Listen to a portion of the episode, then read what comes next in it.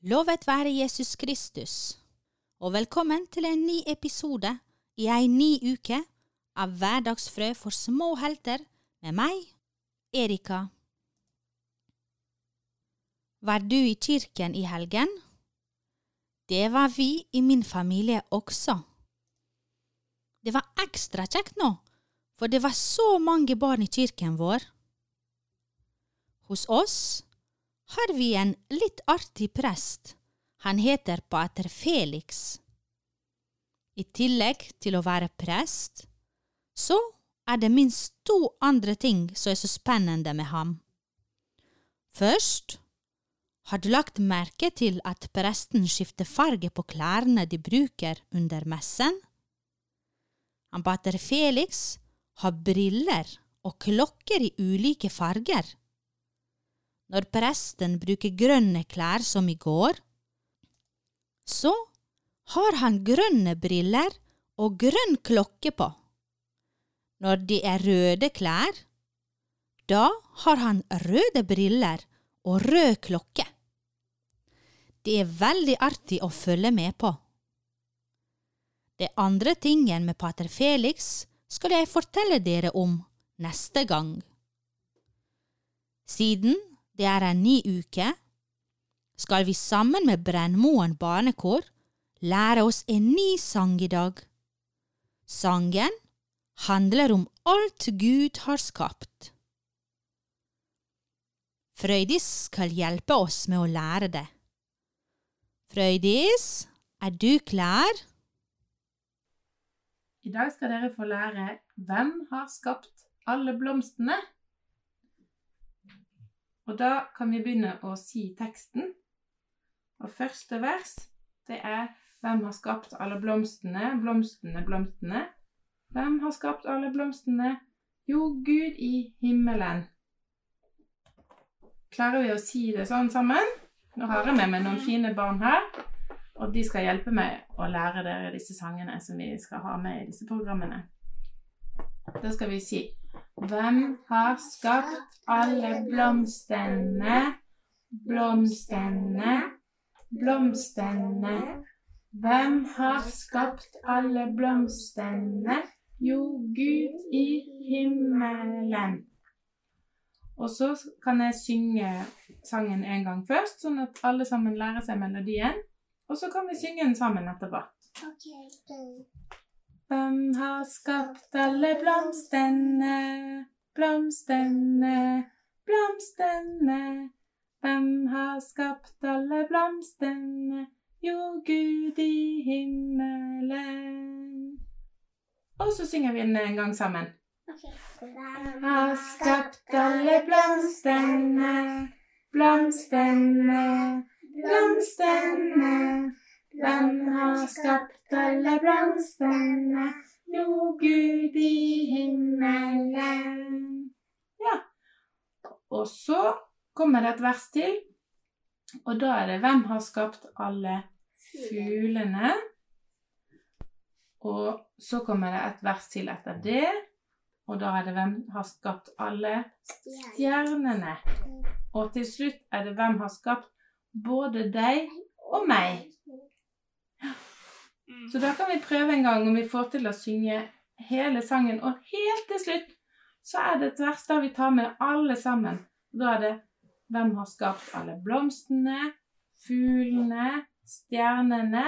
Hvem har skapt både deg og meg? Jo, Gud i himmelen. Alle barna. Ja. Så nå kan vi prøve å synge hele sangen og se om vi husker på det. En, to, tre, fire. Hvem har skapt alle blomstene, blomstene, blomstene? Hvem har skapt alle blomstene? Jo, Gud i himmelen. Hvem har skapt alle fuglene, fuglene, fuglene? Hvem har skapt alle fuglene? Jo, Gud i himmelen. Hvem har skapt alle stjernene, stjernene, stjernene? Hvem har skapt alle stjernene? Jo, Gud i himmelen. Hvem har skapt både deg og meg, deg og meg, deg og meg? Hvem har skapt både deg og meg, jo, Gud i himmelen? Hvem har skapt alle blomstene, fuglene, stjernene? Hvem har skapt både deg og meg, jo, Gud i himmelen? Kjempebra, dere var så flinke. Så fint! Tenk at Gud har skapt både deg og meg og alle tingene. Hvordan har han fått det til? Kanskje har du en hund eller en katt eller en gullfisk. Gud har skapt disse også. Så har han skapt alt det materielle som vi kan lage ting av. Vi kunne ikke hatt stoler, sofaer, bord, senger og alle tingene vi har, hvis ikke Gud har skapt det vi mennesker trenger for å lage dette. Alt har Gud skapt fordi han elsker oss. Søster Ane Elisabeth, som har skrevet bøkene om Freddy Edderkopp, har også Gud skapt. Det er vi veldig glad for.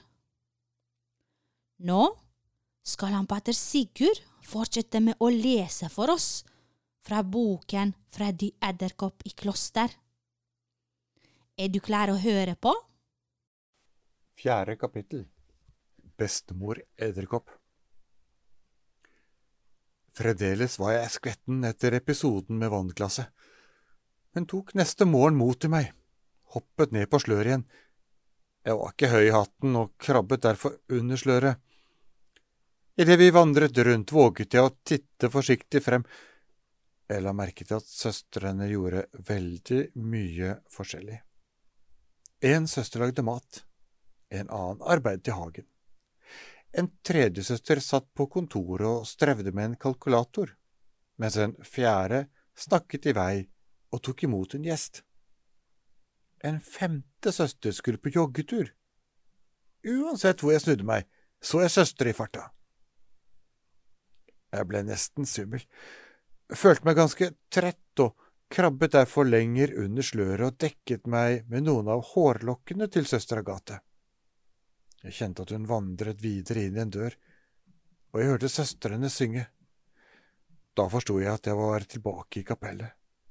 Det var så trygt og deilig at jeg rent glemte å krabbe ut og redde meg opp i hjørnet mitt. Jeg sovnet, rett og slett, og da jeg våknet igjen og tittet frem, var alle søstrene samlet. Jeg var jo vant til akkurat det, men noe var annerledes. Dette var ikke i kapellet hos meg. Jeg kned meg i øynene, krøp forsiktig frem, listet meg oppover sløret. Til min store skrekk var søsteren som var redd for edderkopper der, og med et øye festet på henne smøg jeg meg varsomt oppover. Jeg måpte da jeg var på toppen og så en spisesal. Senere har jeg lært at søstrene kaller det for et refektorium. Bordet var formet som en hestesko, og alle satt slik at de kunne se hverandre. En av søstrene tok på seg et forkle og begynte å servere. De pratet hyggelig sammen og fortalte litt om dagen sin. De småsnakket og lyttet til hverandre, de var som en flott liten familie. Da det var tid for kaffe, sa søster Agathe noe jeg ikke riktig forsto. Hun gledet til at Anna skulle få drakten samme kveld, og at søster Elise skulle avlegge evige løfter om noen dager. Det var visst søster Elise som var redd edderkopper. Jeg forsøkte å huske hva bestemor fortalte om drakten og løftene. Som liten satt jeg ofte hos bestemor om kvelden mens hun fortalte. Det er sånn vi edderkopper har skole. Vi lærer rett og slett av det de gamle forteller oss. Det var etter dagens siste tidebønn at vi samlet oss. Da var det stille i huset, og vi fikk besøk av andre familiemedlemmer. Søsknene mine, Peter, Rosa, Katarina og Imelda, og fettere og kusiner. Da jeg våget meg ned i søster Agathes slør, hadde de allerede funnet seg bolig andre steder i klosteret eller i klosterhagen. Fetter Jordan hadde flyttet til brødrenes kloster. Selv hadde jeg aldri vært utenfor kapellet, for jeg var fortsatt så liten. Og jeg elsket disse kveldene, når alle var sammen og vi hørte gamle historier. Det var flest historier om oss selv, for vi skulle lære å te oss som edderkopper. Men bestemor var nøye på at vi visste mye om søstrene og brødrene. Jeg forsto fort at søstrene ikke var født i klosteret, slik som jeg er. Nei, de kom dit som voksne. De velger å bo i klosteret, forklarte bestemor. Jeg undret meg ofte over at de valgte å bo i kloster istedenfor å dra ut i verden og oppleve masse spennende, for på den tiden hadde jeg selv lyst til å se hagen, porten og alle de andre underlige stedene hvor slektningene mine bodde. Bestemor fortalte at søstrene og brødrene levde lenge sammen med foreldrene sine før de var store nok til å ta egne valg. Noen mennesker velger å bli brannmann, lege, lærer eller noe annet, mens andre velger å leve i kloster fordi de tror Gud ønsker av dem. Ja, det er som om Gud står og roper og kaller på dem helt til de hører ham. Et kall er når Gud inviterer noen til å følge ham på en helt spesiell måte, fortalte bestemor. Når hun fortalte om kallet, ønsket jeg ofte at det var meg Gud valgte og ropte på, og jeg drømte om hvordan jeg skulle følge ham og gjøre alt han ba meg om. Da smilte bestemor og fortsatte å forklare. Gud kaller, sa hun, men det er ikke alt. Mennesker må også svare på kallet. De må si til Gud og til alt han ønsker av dem. Og sier de ja, avlegger de løfter overfor Gud og hverandre om at de alltid vil følge ham. Jeg husker at Mia, en kusine av meg som bodde i hagen, en gang sa at også hun ville avlegge løfter, slik at hun fikk like fin drakt som søstrene. Da lo bestemor. Den drakten får søsteren eller broderen mange år før de får lov til å avlegge løfter. De får den når læretiden begynner, og må gå i lære i mange år før de avgir evige løfter og gir seg til Gud og for alltid. Det er slik, pleide bestemor si, at læretiden går i etapper. Først er de postulanter, og deretter får de drakten, og blir student novise for noen år, så avlegger de løfter for et år, og heter plutselig junior eller student eller noe sånt. Da tester junioren om hun klarer å leve et liv bundet av løfter. Så avlegges løftene på ny, men da for hele livet. Når bestemor var ferdig med å forklare, ble hun alvorlig. Men det hender at noen forstår at dette livet ikke passer for dem. Da leverer de drakten tilbake og reiser igjen. Sånn er det ikke med søster Elise, tenkte jeg. Hun skal avvelge evige løfter ganske snart. Hun tittet bort på henne. Hun satt der blant de andre søstrene og nippet i kaffen. Det var da jeg bestemte meg. Jeg ville være med på løfteavleggelsen, koste hva det koste ville, men siden jeg ikke visste hvilken dag løfteavleggelsen var, besluttet jeg å sette meg i sløret til søster Agathe hver morgen og ikke hoppe av igjen for etter siste tidebønn på kvelden. Det er så spennende å høre om alt det Freddy gjør i klosteret. Klosteret heter forresten Katarinahjemmet og er i Oslo.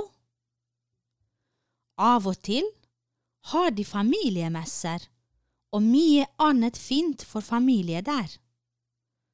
De har til og med et hotell der man kan overnatte. Hvis du aldri har vært der før, kunne kanskje du og familien din ta en tur til Katarina hjemme neste gang dere er i Oslo. Nå nærmer vi oss slutten på dagens program, men før vi sier takk for i dag, vil jeg gjerne takke Gud for at vi får være sammen. Vil du være med og be sammen med meg? I forrige uke ba vi Fader vår. I denne uken skal vi be en bønn som heter Hill Maria. Det er sikkert mange som kan det allerede. Her ber vi Den hellige Maria om å be for oss til Gud. Så hvis du kan det, da kan du be sammen med oss. Om du ikke helt kan den, så kan vi be den to ganger sammen i dag. Hil deg, Maria, full av nåde, Herren er med deg. Velsignet er du blant kvinner, og velsignet er ditt livs frukt, Jesus. Hellige Maria, Guds mor, be for oss syndere, nå i vår dødstime. Amen. Hil deg, Maria, full av nåde, Herren er med deg. Velsignet er du blant kvinner, og velsignet er ditt livs frukt, Jesus. Hellige Maria, Guds mor, be for oss syndere, nå i vår dødstime. Amen. Takk for denne stunden. Så høres vi snart igjen i neste episode. Følg med, og vær nysgjerrig på Gud, og lær mer om ham. Ha det!